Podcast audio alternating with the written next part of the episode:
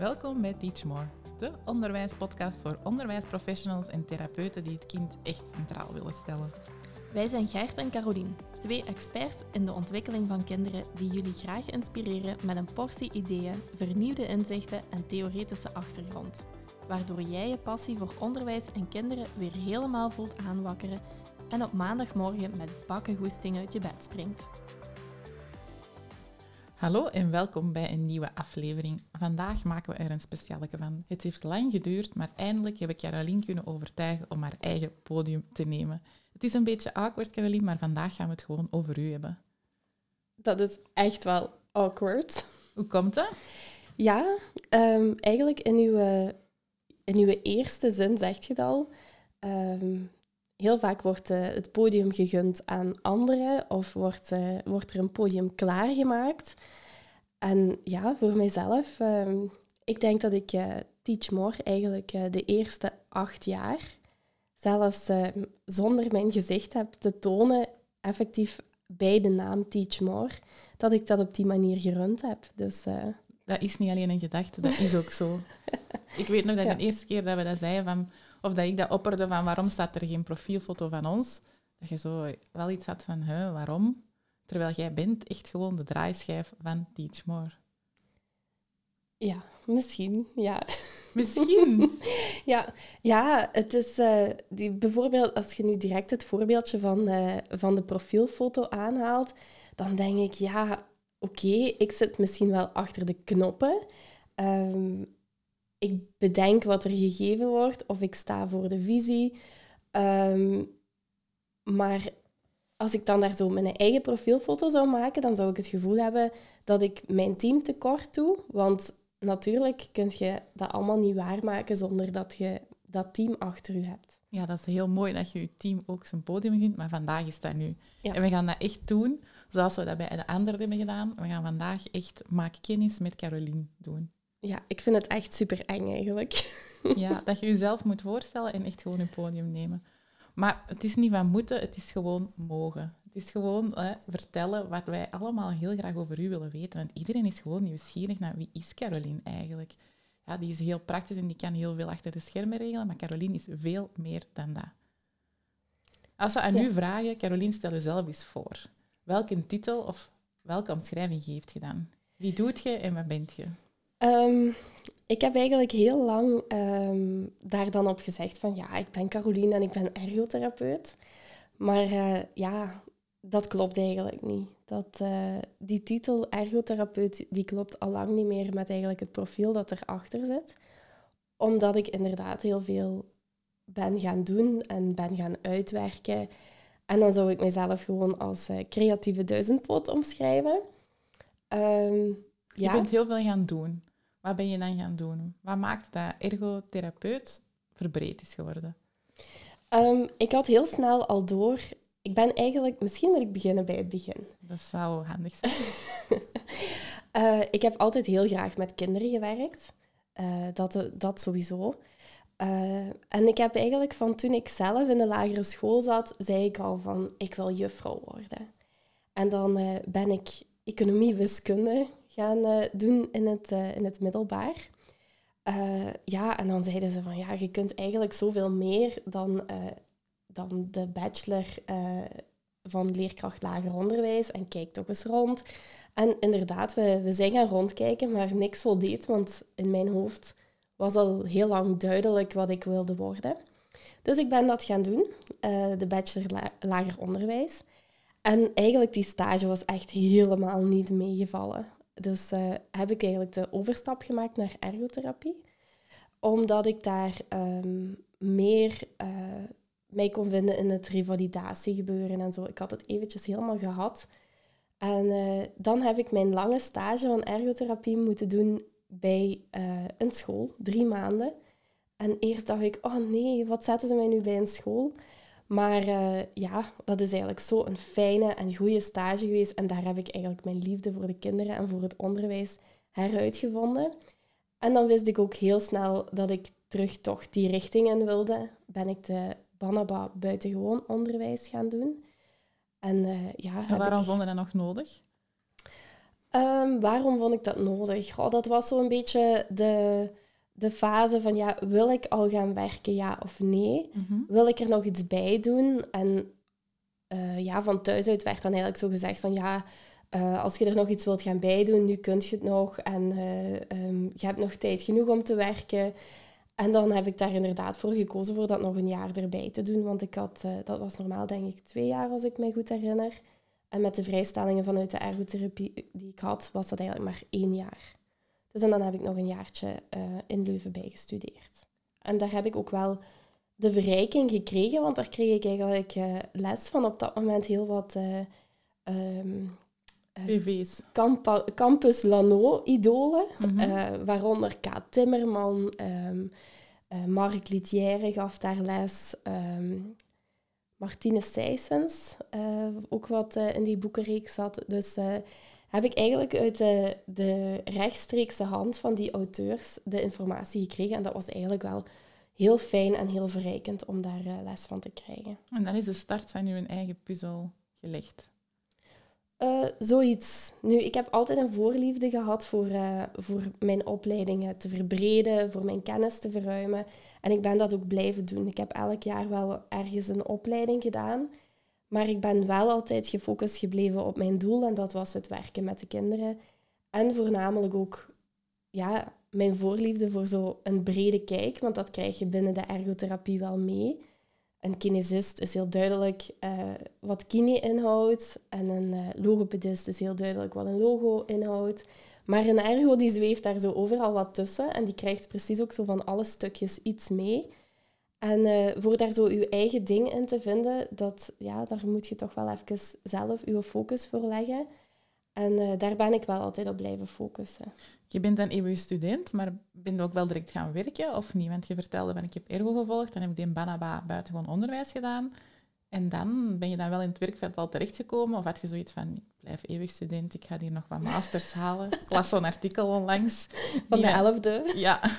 Nee, nee, nee, nee. Zo, eh, zo verleidig was ik niet. Dus eh, het jaar na, ehm, eh, dus eigenlijk dat ik in juni afstudeerde van de Banaba, ben ik direct in juni ook beginnen solliciteren. En ik had voor mezelf het doel, ik solliciteer overal binnen de 100 kilometer op werk wat ik echt wil doen. En wat was dat dan? Wat was toen uw voorkeur? het onderwijs in. Dus als paramedici het onderwijs in. Ehm, en, want ja, je weet hè, ik woon in het puntje van het land. Ja. Dus eh, op de kaart, helemaal aan de rechterkant, daar steekt dus letterlijk een puntje uit in België, zo in Nederland. En in dat puntje woon ik. Dus ja, als je dan in België wilt blijven of daar toch wilt rondkijken, dan weet je dat je sowieso ver te rijden hebt. Alles is ver voor mij. En ehm, ja, dus alles binnen de 100 kilometer, die cirkel was gemaakt.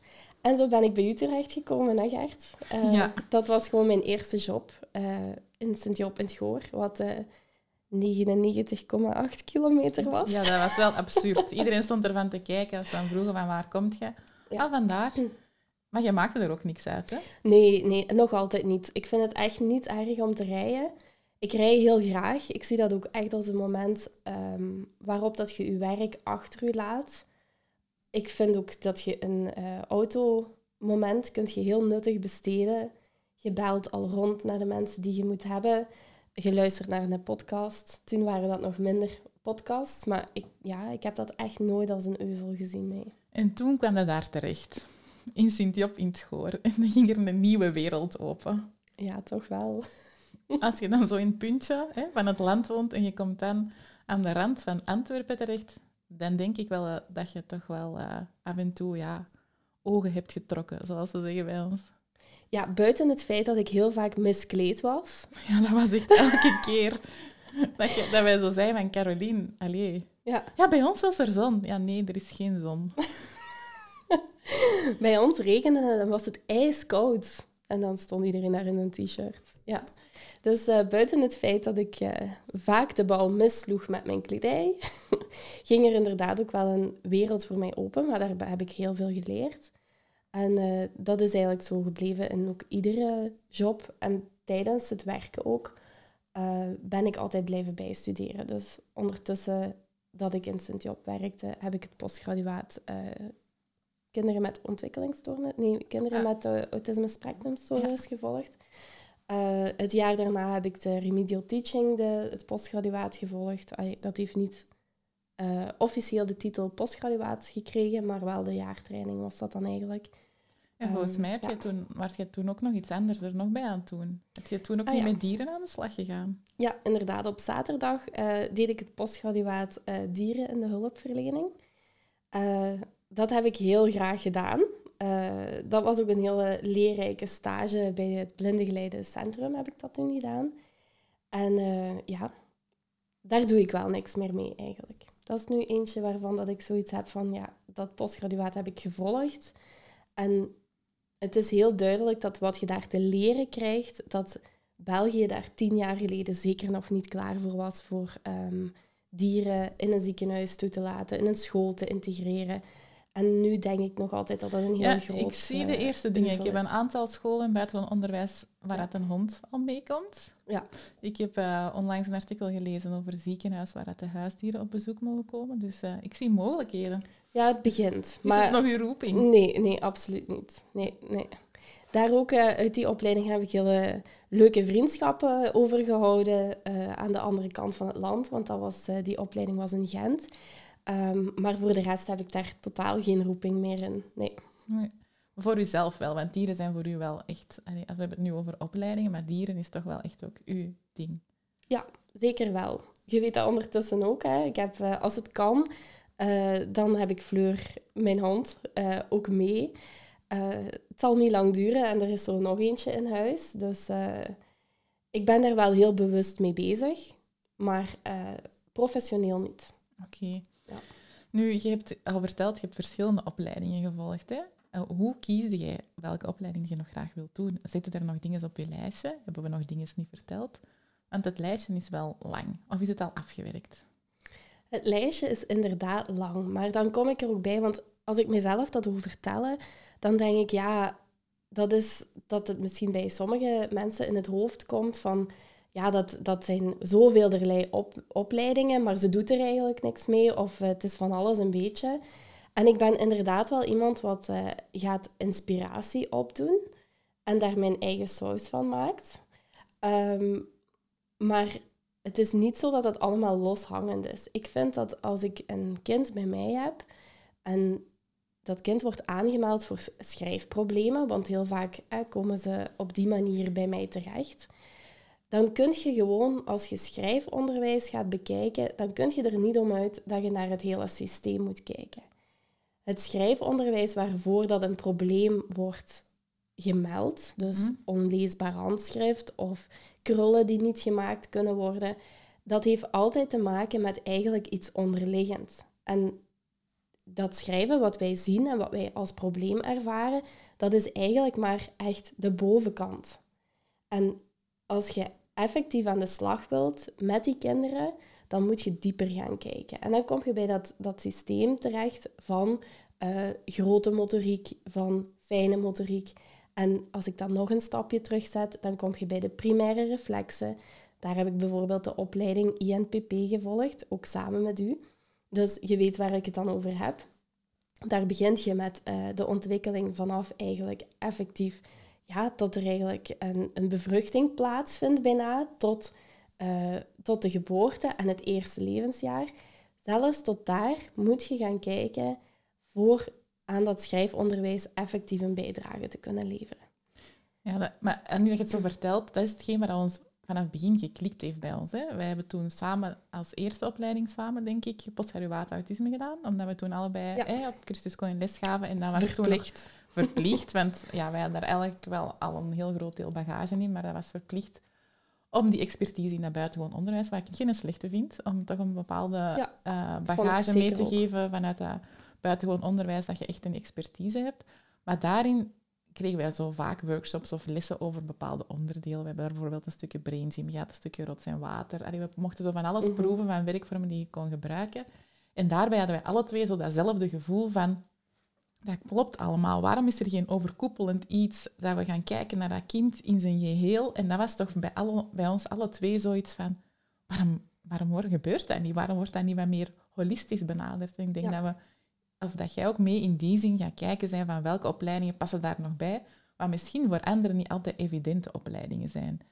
dat voor ons klopt, of voor u heel erg logisch is, maar voor anderen van, hm, hoe staat dat in contact tot de ontwikkeling van de motoriek? Want INPP of reflexintegratie is misschien voor sommigen nog makkelijk te volgen, maar er zijn er mhm. ook andere die misschien minder evident lijken. Ja, voilà. Als je dan bijvoorbeeld bij die INPP verder gaat, dus dat is, dat is de reflexintegratie, dan kom je uit bij die reflexen.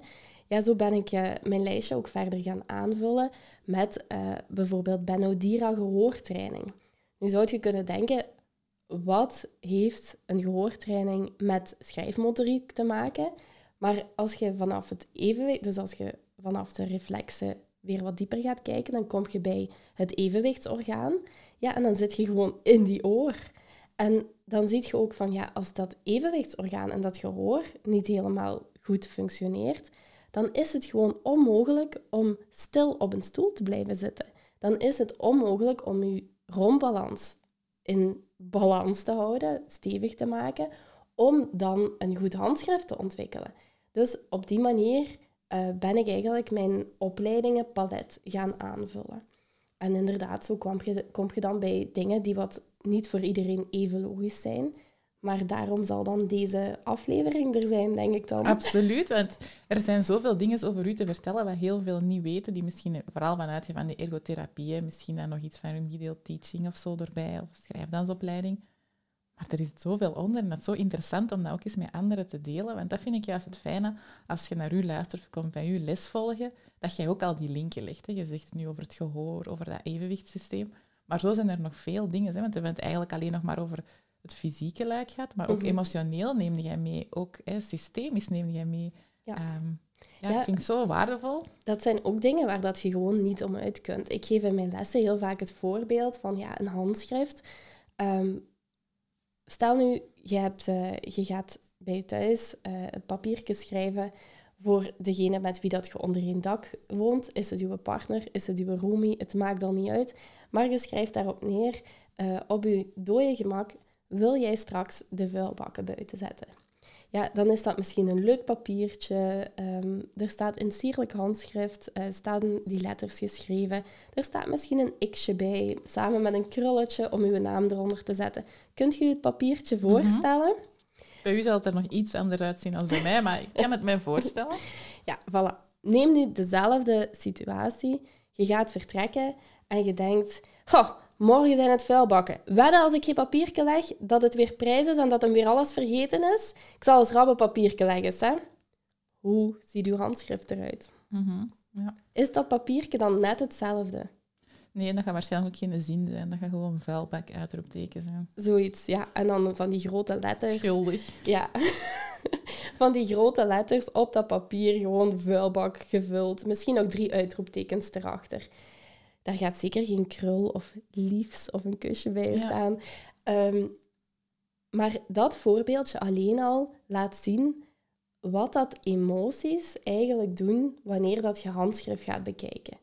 Dan moet je je voorstellen dat het kind wat misschien deze morgen heeft moeten vechten voor een boterham te hebben, of met honger in uw klas zit, of thuis een hele onveilige situatie heeft, met een van de ouders bijvoorbeeld niet meer in contact komt omwille van een agressieverhaal, ik zeg maar iets, we hebben ze allemaal in de klas voor ons zitten, dan moet je je voorstellen dat dat kind sierlijke krullen gaat moeten schrijven.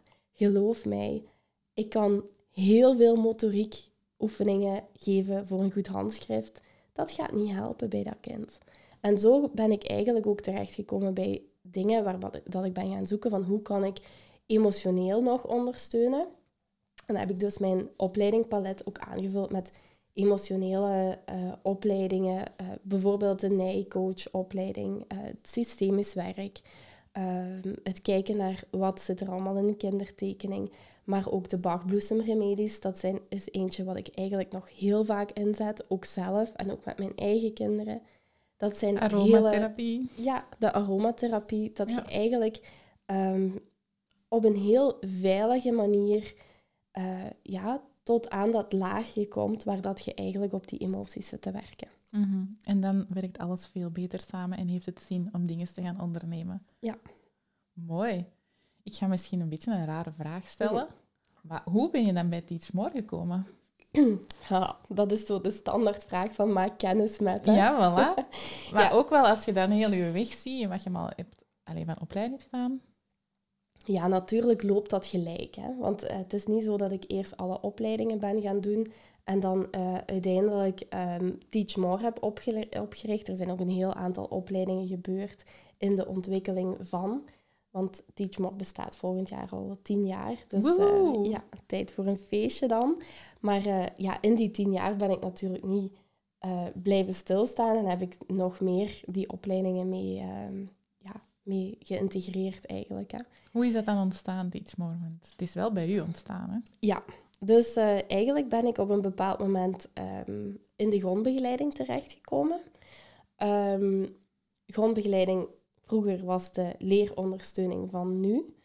Ehm, en dan eh, ja, ben ik eigenlijk beginnen uitleggen wat dat ik eigenlijk allemaal ja, deed met die kinderen. Of waarom dat ze ineens op een paar... Dat was eigenlijk de vraag die ik heel vaak kreeg. Ehm, hoe komt het nu dat die al twee jaar logopedie bijvoorbeeld aan het volgen zijn en we zagen geen vooruitgang. En nu komt jij een paar keren en nu zien we dat. En dan begon ik te vertellen in meestal dat multidisciplinair team eh, wat rond dat kind meewerkte. Eh, ja, en dan vertelde ik wat ik deed en van waaruit. Dus ik gaf eigenlijk een beetje de theorie achter mijn praktijk mee. En dan zeiden ze van, oh, kun je dat niet eh, voor ons team komen vertellen? Of ehm, is het niet mogelijk dat je dat, je dat, dat je ons kleuterleerkrachten dat is allemaal ehm, vertelt? En zo ben ik eigenlijk ehm, een beetje gelijktijdig met dat was ik ook de schrijfdansopleiding aan het volgen. En eh, op die manier is dat eigenlijk zowat in samenloop ontstaan. Dus dat ik eigenlijk die pedagogische studiedagen en personeelsvergaderingen af en toe eens ben gaan invullen in de buurt. En dan ehm, op een bepaald moment, ehm Joseline die had eh, Schrijfdans Vlaanderen hier in België. Dus eh, daar mocht ik dan ook de lessen voor, eh, voor verzorgen. En dan ja, is zij spijtig genoeg ziek geworden. En dan was ik eigenlijk degene wat, wat zo wat haar rechterhand werd. En het stukje organisatorische taken van haar op dat moment heb overgenomen. En dan vond ik het wel belangrijk dat ik, ja, dat, ik dat in mijn eigen bedrijf deed, omdat daar, om daar niet te veel vermengingen eh, zouden zijn. En zo is Teachmore eigenlijk ontstaan. En vanaf toen eigenlijk eh, uitgegroeid tot wat het nu is. Mhm. Mooi. Ja, dus het is eh, heel organisch is het ontstaan. Want heel veel mensen zeggen nu ook tegen mij van... Ja, maar hoe dat jij de laatste jaren gegroeid bent met Teachmore, dat is echt ongezien. Ja, voor die mensen is dat inderdaad ongezien, omdat we heel, heel veel aan zichtbaarheid geïnvesteerd hebben met onze podcast, met onze sociale media. Maar eigenlijk ehm, ja, is het al vanaf het begin dat we wel in iedere provincie een locatie hadden en dat heel wat docenten op pad gingen. Maar het werd gewoon, ehm, Het was niet zichtbaar voor Ja. anderen. het was niet zo zichtbaar, nee. Je hebt stapjes in je plek innemen genomen. Klopt. En in zichtbaar worden. Ja. Valt het een beetje mee, deze aflevering? Ja, ja, het valt heel goed mee. Je voel, ja, we voelden er straks al, zoals we zeiden, van ja, Caroline, ik vind het eigenlijk belangrijk om hier over u te doen. Zo heel veel weerstand en nog heel veel dingen die we eerst moesten doen of eerst moesten gebeuren voor we konden starten. Ja, we hebben onze tijd genomen. Ja, maar we zijn er toch? Hè? We zijn Ja. bij Teach More bereikt. Nu, als je gaat zien van het begin van Teach More tot nu, is dat wel een heel andere organisatie geworden, denk ik, qua vormgeving, invulling. Ik weet niet hoe dat jij dat ziet, hoe dat jij dat ervaart. Ehm, Want Teach More is toch ook wel met je meegegroeid, hè? Met alle opleidingen die je gevolgd hebt. Want je hebt er nu heel veel genoemd rond ontwikkeling van jezelf eh, in functie van het lesgeven, maar ook rond persoonlijke ontwikkeling heb je veel werk gedaan, zal ik maar zeggen. Rond ondernemerschap, rond ja, wie je bent als persoon, hoe dat je daar staat.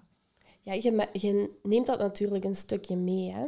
Dus ehm, hoe dat ieder kind eh, systemisch in je klas zit en hoe dat je dat ook gaat systemisch benaderen. Van het moment dat je in zo'n opleiding zit, dan kuist je ook je eigen rommel op natuurlijk. Hè? Ehm, dus ja, ja, er is wel wat gebeurd. Uh, en Teach More is zeker meegegroeid, dat durf ik ook wel heel zeker te zeggen.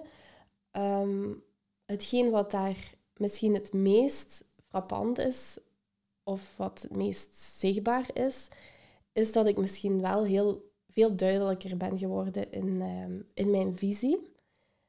En dat ik daar ook heel erg lijnen in durf trekken. Um, ik ga dan ook terug naar hetgeen wat wij ook vertellen. Uh, wanneer dat we het hebben in die trajecten, zoals uh, ja, de trajecten rond zelfzorg eigenlijk, zoals in Stralend Starten in mhm. september, zoals de tips bij winterdips. Daar hebben we het heel vaak over uh, van de reactorrol stappen naar de creatorrol. En ik denk dat vroeger, um, of in het begin, dat Teachmore ontstond, dat ik meer in die reactorrol zat. Dat ik heel vaak... Um, bijvoorbeeld iemand kwam zich aanmelden. Uh, ja, ik geef mindfulness um, en ik wil bij jullie lesgeven. En dan dacht ik van, ah ja, ja, mindfulness, dat hebben we eigenlijk nog niet. Ja, laat ons dat maar doen. Want als ik dan in mijn brede kijk, dan zou ik daar zeker wel de voordelen van. En ik denk dat ik nu daar een stuk voorzichtiger in ben geworden. Dat ik eerst goed ga aftoetsen van waar uh, zitten de noden en de vragen van die persoon echt? Hoe staat die persoon echt in het leven? En past die echt in de visie die wij ook uitdragen? En ik denk ook dat ik daar uh, dat ik toch wel ook hier in, deze aflevering ook wel een stukje eer aan u ga toekennen. Want het zorgt er ook wel voor met dat uh, jij er zijt. Want Teach More, je was er al bij het begin. Je hebt mee de handtekening geplaatst voor het op te starten. Maar je was er ook lang niet zichtbaar in. En jij bent zichtbaar geworden en je bent um, mee eraan komen bouwen. En dat zorgt ook wel dat je steviger staat voor wat je wilt staan. Dat die visie duidelijker is. En ik denk, als ik nu op een of andere manier toch zo een scheve schaats zou rijden. Of patje. Ja, of, of patje zou gaan. Dat mag alleen in het weekend met Rosé. Dus uh, als ik dan uh, van het padje af zou zijn, dat, uh, dat er Gert wel is voor te zeggen van... Um, ja, misschien niet echt iets zeggen. Je stelt dan gewoon één kutvraag. dat is toch nog veel beter? Dan komt het gewoon van nu. Ja, en dan kom ik er dus zelf achter en dan zeg ik... Ja, ik wist het eigenlijk ook. Ja, af en toe iets doorsturen. Maar het helpt wel om terug... voor onszelf, voor allebei. Hè? We hebben er allebei nodig. Ik denk dat we... Ja, allebei die partner voor elkaar zijn in dat gegeven van echt blijven staan voor wat we willen staan. En niet meegaan in ja, dingen die op ons pad komen, die aan ons mouw komen trekken of die dat wat voor ruis zorgen. En nee, wat hebben we hier echt te doen? Dat willen we ook gaan neerzetten en niet meegaan in het andere. Heel zeker. Ja. Nu, je hebt al verteld, je hebt heel veel opleidingen gevolgd, maar je hebt ook wel echt een hele sterke expertise uitgebouwd. Die dat je heel moeilijk kunt claimen. Ik weet niet wat je bedoelt. Ja. je bent niet alleen degene die dat achter de schermen heel veel praktisch um, organiseert. Je bent ook daadwerkelijk wel een van onze belangrijkste docenten, die ook uh, mee sturen bij anderen die in dat werkveld uh, opleidingen geven. En die rol ook ten volle innemen is ook een lastige. Hè? Als we nu mogen zeggen, Caroline, uw expertise en je krijgt een minuut een tijd, wat ga je dan vertellen? Uh, is dat nu getimed dan? Ja, ja klaar start. Nee. Um, mijn expertise is voornamelijk het bewegingsapparaat, zou ik dan zeggen. Um, want met dat bewegingsapparaat, ja, dan heb je zo een hele ruime term.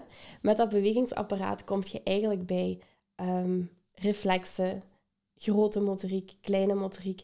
Maar als je het bewegingsapparaat effectief gaat bekijken, dan kom je gewoon ook bij het centraal zenuwstelsel. En dan kom je zo bij de kip of het ei. Is, wat, wat is er nodig voor wat te creëren? Is er um, uh, een rijping van het zenuwstelsel nodig om een verfijnde motoriek te krijgen? Of moeten we bewegen om dat centraal zenuwstelsel te gaan myeliniseren? Mm En dat is of zo... moeten we niet kiezen? Ja, voilà. Maar als je dan uh, je daarin gaat verdiepen, dan gaat je zien dat mensen natuurlijk wat vanuit de het fysieke gaan spreken, die gaan zeggen, ja, motoriek is heel belangrijk. En mensen die wat vanuit die hersenen gaan spreken, die gaan zeggen van, ja, dat centraal zenuwstelsel is er als eerste. En als je inderdaad gewoon die kleppen afzet, en ik ben nog wel van de kleppen afzetten, dan zie je, het een kan niet zonder het ander. Er is geen kip zonder ei en er is geen ei zonder kip.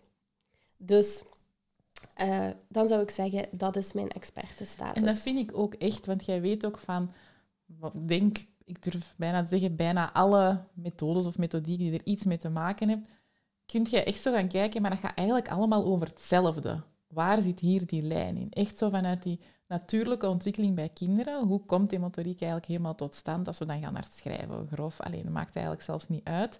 Um, kun je dat ook gaan zien? En daarin ben je volgens mij ook heel sterk dat je los van methodes, bovenop alles, die ontwikkelingslijn gaat geven. Dat vind ik echt ongelooflijk hoe dat jij daar alles in zet. Ik denk dat daar mijn missie gewoon zit. Hetgeen wat je nu benoemt, ehm, voel ik heel erg als waar, dat ik, waar dat mijn hart eigenlijk ligt. Ik hoef geen methode te verkopen of er is geen methode het beste. En als je een nieuwe methode hebt, dat wil niet zeggen dat je die oude methode moet gaan afschrijven of in de vuilbak gooien. Iedere methode heeft goede dingen en je moet je eigen saus maken. En doordat je dan op de hoogte blijft van wat er allemaal in het landschap van methodes is, en eigenlijk vanuit de ontwikkeling van het kind begint, dan kun je daar los van komen. En eender welke methode dat je hebt, ja, dat maakt eigenlijk geen hol uit om het met die woorden te zeggen, want het gaat om de kinderen die voor u zitten. En van het moment dat jij kunt functioneren op niveau en net boven het niveau van uw kinderen, dan werkt jij op een stimulerende basis en dan gaan die kinderen mee ontwikkelen. En of dat nu met de ene methode gebeurt of met de andere, daar moet je eigenlijk los van kunnen komen. Ja, en ik vind dat je daar wel heel sterk in bent. Want anderen gaan misschien zeggen van, oeh, dit is concurrentie voor u. Maar jij komt daar helemaal los van en je zegt, ja, maar ik kan jullie wel vertellen hoe dat je ermee aan de slag kunt gaan. Want dit is hoe dat de ontwikkeling verloopt. En dat en dat en dat kunnen jullie daar eigenlijk gewoon uit gaan gebruiken. Want ik denk dat dat de valkuil is van deze tijd. Er is zoveel mooi materiaal. En we denken altijd dat we het nieuwste en het beste en hetgeen met het meeste kaartjes of meeste kleurtjes, dat we dat nodig hebben. Maar dat is eigenlijk net hetgeen waar we hè, tegenover, tegenover staan. En mhm. jij ook in uw expertise. Ja, en dat is ook hetgeen wat nu, wat nu wordt aangehaald, is ook wat er letterlijk in de praktijk gebeurde. Want vorig jaar heb ik bijvoorbeeld, eh, was ik gevraagd voor een nascholing te geven van inderdaad uh, schrijven de ontwikkelingslijn. En uh, ik kom op die school en daar ligt een hele methode uitgestald. Waarop dat ik lachend zeg, oei, jullie hebben de verkeerde gevraagd. Jullie hebben de verkeerde uitgenodigd voor deze pedagogische studiedag. Maar ja, ik sta hier nu. Zo op mijn eigen, gehele eigen manier. Gehele subtiele manier bedoelt ze dan? Ja. Aan patchen? Nee. Toch een beetje op dat moment. Maar ja, ik had ook zo... Eigenlijk was ik in eerste instantie wat geschrokken, want ik dacht, oei, ga ik deze verwachtingen kunnen inlossen? Ja, dan kun je er maar beter een grapje van maken, denk ik dan. Um, maar door dat grapje kwam eigenlijk ter sprake, nee, nee, uh, wij weten heel goed wie wij hebben uitgenodigd. Maar wij willen uw visie om met dit materiaal te werken. En ik dacht, oké, ehm, ja, prima, leuk, goed, gaan we doen. En dan ben ik dat eigenlijk op korte tijd nog een keer of drie tegengekomen. En dan merk je inderdaad dat wanneer dat je die expertise over die ontwikkeling van de kinderen deelt, dat dat is wat de mensen eigenlijk nodig hebben. En waardoor dat ze ook verder kunnen. Dat je eigenlijk, je gaat altijd inderdaad nieuw materiaal op de markt hebben, maar die expertise van nu overbrengen in hoe verloopt die natuurlijke ontwikkeling, dat zijn eigenlijk de handvaten die je hem wilt meegeven. En te kijken van, zie wat er voor je gebeurt. Het is er gewoon allemaal. Je moet gewoon weten hoe en wat. Ja, heel zeker. Dus uw expertise, het bewegingsapparaat. Zijn er nog of blijf je binnen dat vakje? Goh, um, ja, dat zou een beetje hypocriet zijn als we natuurlijk samen uh, heel wat hebben uitgewerkt rond zelfzorg. Um, ja, dat is een andere expertise, maar ik durf toch ook wel te zeggen dat ik daar door de ervaringsdeskundigheid... Practice what you preach. Voilà.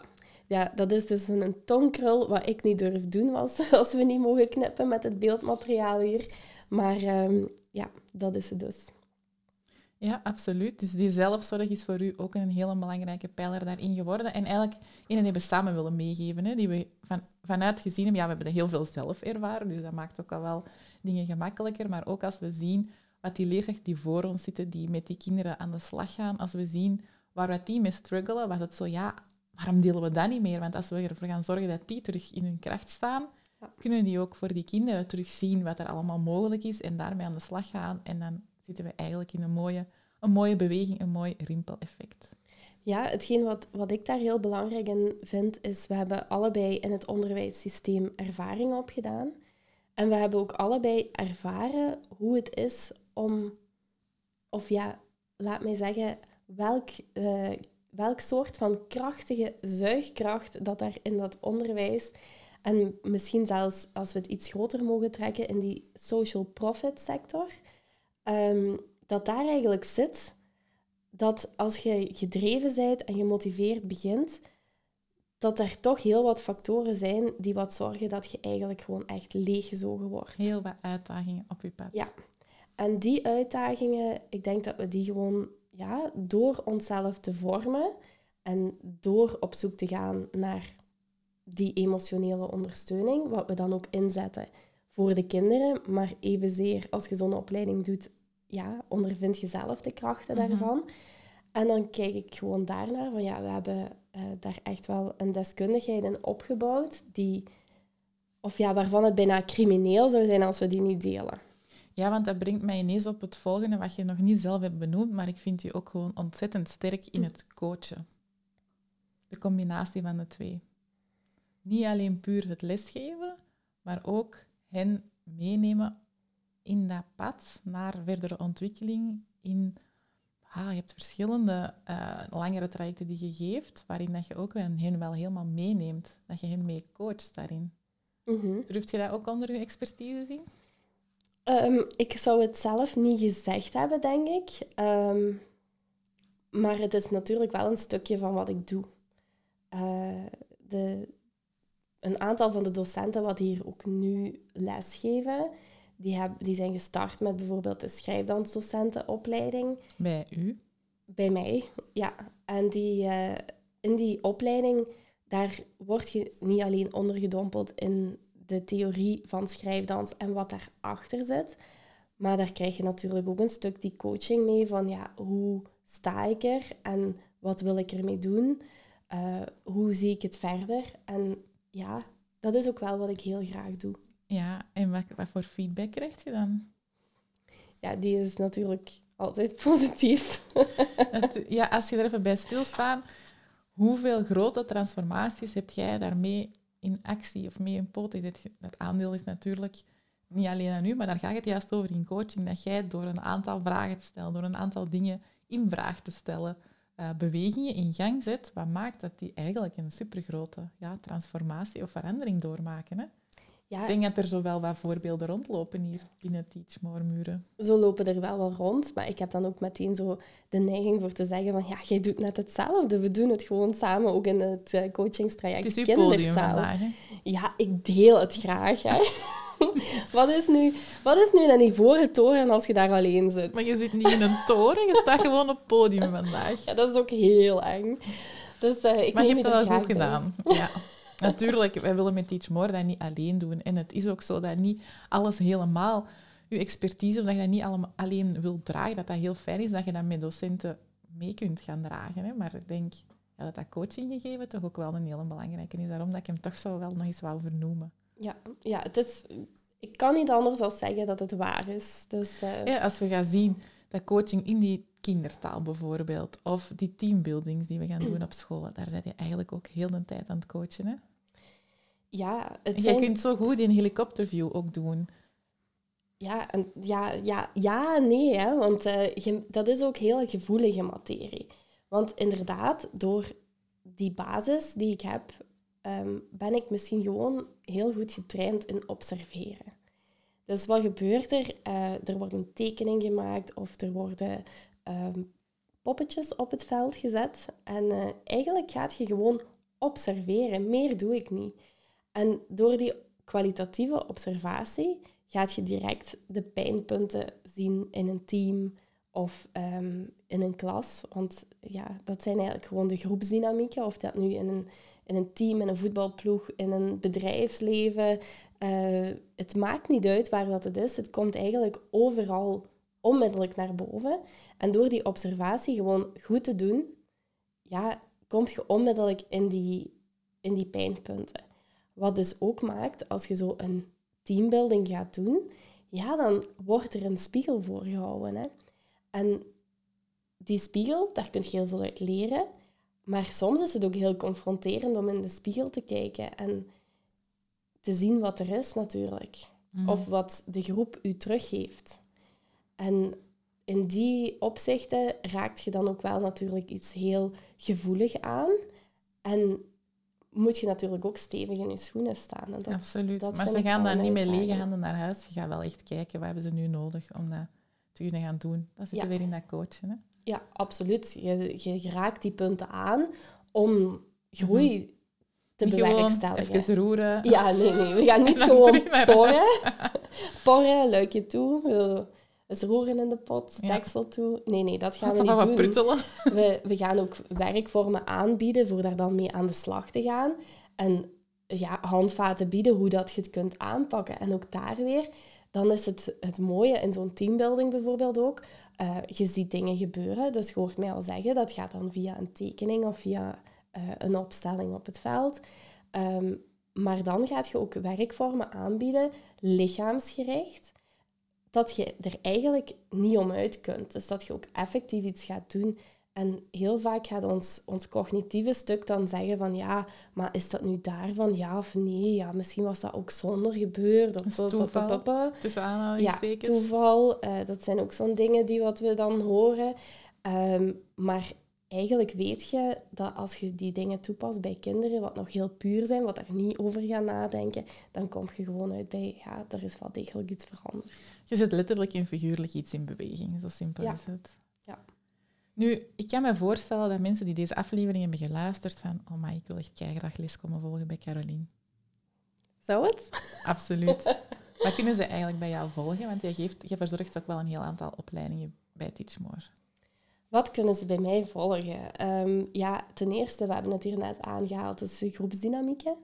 Dus eh, die worden ook omgezet in de, in de teambuildings eigenlijk. Dus eh, samen met u dan en de kindercoach. eh, kindercoach noem ik het al. Coachingstraject kindertaal.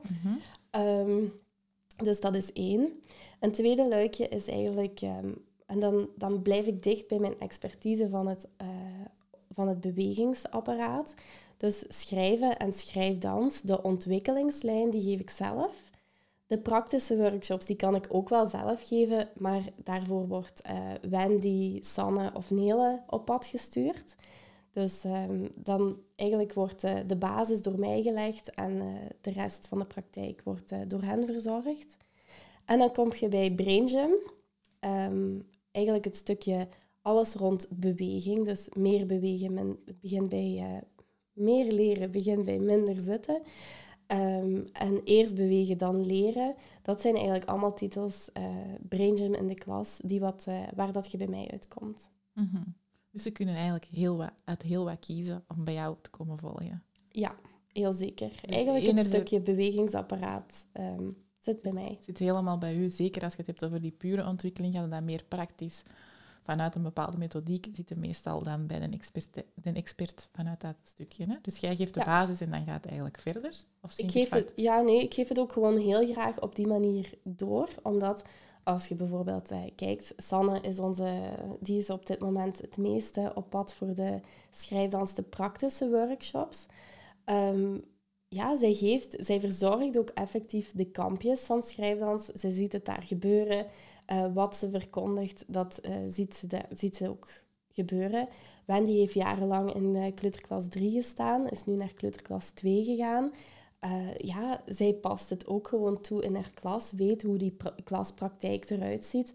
En ik ga ervan uit dat wanneer dat je je expertise, je effectieve expertise ook mocht gaan verkondigen, dat je daar veel meer eh, praktijkvoorbeelden uit krijgt. Dat is waar. Ik wou bijna zeggen, hier geeft ze haar podium weer weg en gaat ze weer haar eigen rol minimaliseren, maar je hebt u mooi hersteld. Want ik denk ook dat voor u belangrijk is, jij bent wel degene die daar echt bij ons die expertise uitdraagt van die theoretische basis in die natuurlijke ontwikkeling. Ja. En daar zit jij wel echt met je sterkte in. Ook met dat groepsdynamiek, dat gegeven daarbij. Dat dan weer vertaalt in hè, die andere trajecten en zo. Maar je moogt echt dat helemaal ownen, Caroline? Ja, ja. ja ik vind het gewoon belangrijk eh, als ik naar mezelf kijk. ehm, en je zou tegen mij zeggen: Ja, Caroline, eh, vanaf vandaag moet je elke dag tien rondjes draaien. Ja, dan zou ik denken: Joehoe! Zo geen rondjes. ik zal eens rap tien rondjes draaien. Not. Nu, als je tegen mij zegt, Caroline, de eerste reflex die je moet overwinnen, als je op de, of ja, de eerste reflex die er eigenlijk is als je op de wereld komt, dat is die Moro-reflex. Eh, dat is zo die schrikreflex die eh, wel bekend is. Ik ben niks van. We hebben daar nog een podcast ooit rondgemaakt met hele leuke anekdotes in. Ehm, Vertel verder. ja, ehm, dus die mororeflex, eh wanneer dat je die eh, eigenlijk gaat doorleven, daarvoor moet je best 10 trage rondjes per dag draaien. Dan ga ik denken, hmm, die mororeflex, een schrikreflex, wat heeft die reflex te doen met mijn leven? Of hoe zit die vast in mijn leven? En door simpelweg 10 rondjes te draaien per dag, zou ik dus eigenlijk van al mijn kwaaltjes af kunnen. Hmm, dan zou ik al heel anders denken over die 10 rondjes draaien. En dat is wat ik wil meegeven in de workshops die ik doe. Horen jullie ineens al haar tweede expertise? Het allemaal uitleggen in Jip en Janneke taal. Want zo simpel is die reflexintegratie niet. Hè? Maar je slaagt er toch weer in om met zo'n simpel voorbeeldjes even uit te leggen waar dat over gaat. En ik denk dat dat juist sterk maakt hoe dat jij voor leerkrachten staat. Daar gaat het over. En dat Ja. komt van daaruit. Maar heel simpel, eenvoudig uitgelegd, dat je niet het gevoel hebt van ik moet hier ik weet niet wat voor boeken doorworstelen en gestudeerd hebben om dat te kunnen gaan toepassen. Nee, als je weet hoe dat in elkaar zit, dat is het. Ja, dat is eigenlijk gewoon een copingstrategie van mij. Ik kan echt niet van buiten leren, waardoor dat ik alle moeilijke termen, wat daar eigenlijk bij horen, gewoon rats vergeet. Nee, ik weet natuurlijk wel wat de termen zijn, maar ik weet ook dat dat niet beklijft. En dat als ik zo een voorbeeld geef, geef en dat, dat het herkenbaar is, dat die uit mijn les gaan en dat die nog perfect weten als die een rondje draaien van, ah ja, daarvoor was dat. Bangelijk. En dat is wat ik wil. Ik sluit graag af met een kutvraag die jij zelf altijd stelt. Is er nog iets wat de luisteraars van u moeten weten, dat we nog niet gezegd hebben? Ah, wel, daar is nog nooit eens een antwoord op gekomen. Ik ga een antwoord geven. Mhm. Buiten het feit dat ik expert ben in ehm, het bewegingsapparaat, hou ik er enorm van om in het weekend eens helemaal los te gaan op snollebolletjes. Dat vind ik dat iedereen mag weten. Stef. Dat is niet gelogen. dat kunnen we helemaal beamen. Oké, dankjewel Caroline om uw podium vandaag te pakken en mensen mee te laten genieten van wat jij allemaal te bieden hebt. En ik hoop dat die helemaal warm zijn geworden om iets bij u te komen volgen. Dat is heel graag gedaan. Een grapje nu. Ik ben op de recordknop vergeten te duwen. Amai, stel je voor. Oké, deze ogen. Jammer dat de camera's niet waren ingezoomd op haar ogen. Ik had dan anders al gecheckt dat ze wel aan het opnemen was. Maar bon, volgende keer zijn we er met een nieuwe aflevering. Maar vandaag konden jullie helemaal genieten van Caroline. Tot de volgende.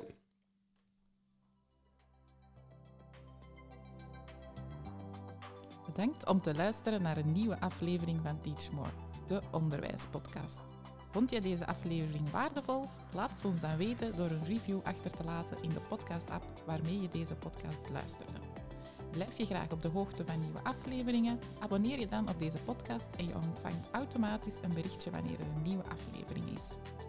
Wij delen ook dagelijks tips via onze social media. Je kan ons volgen op Instagram via teach of op Facebook teachmore. Blijf je graag als eerste op de hoogte van al onze nieuwtjes? Schrijf je dan in voor onze nieuwsbrief op www.teachmore.be. Daar vind je ook ons volledig aanbod aan vormingen, workshops en teambuildings terug.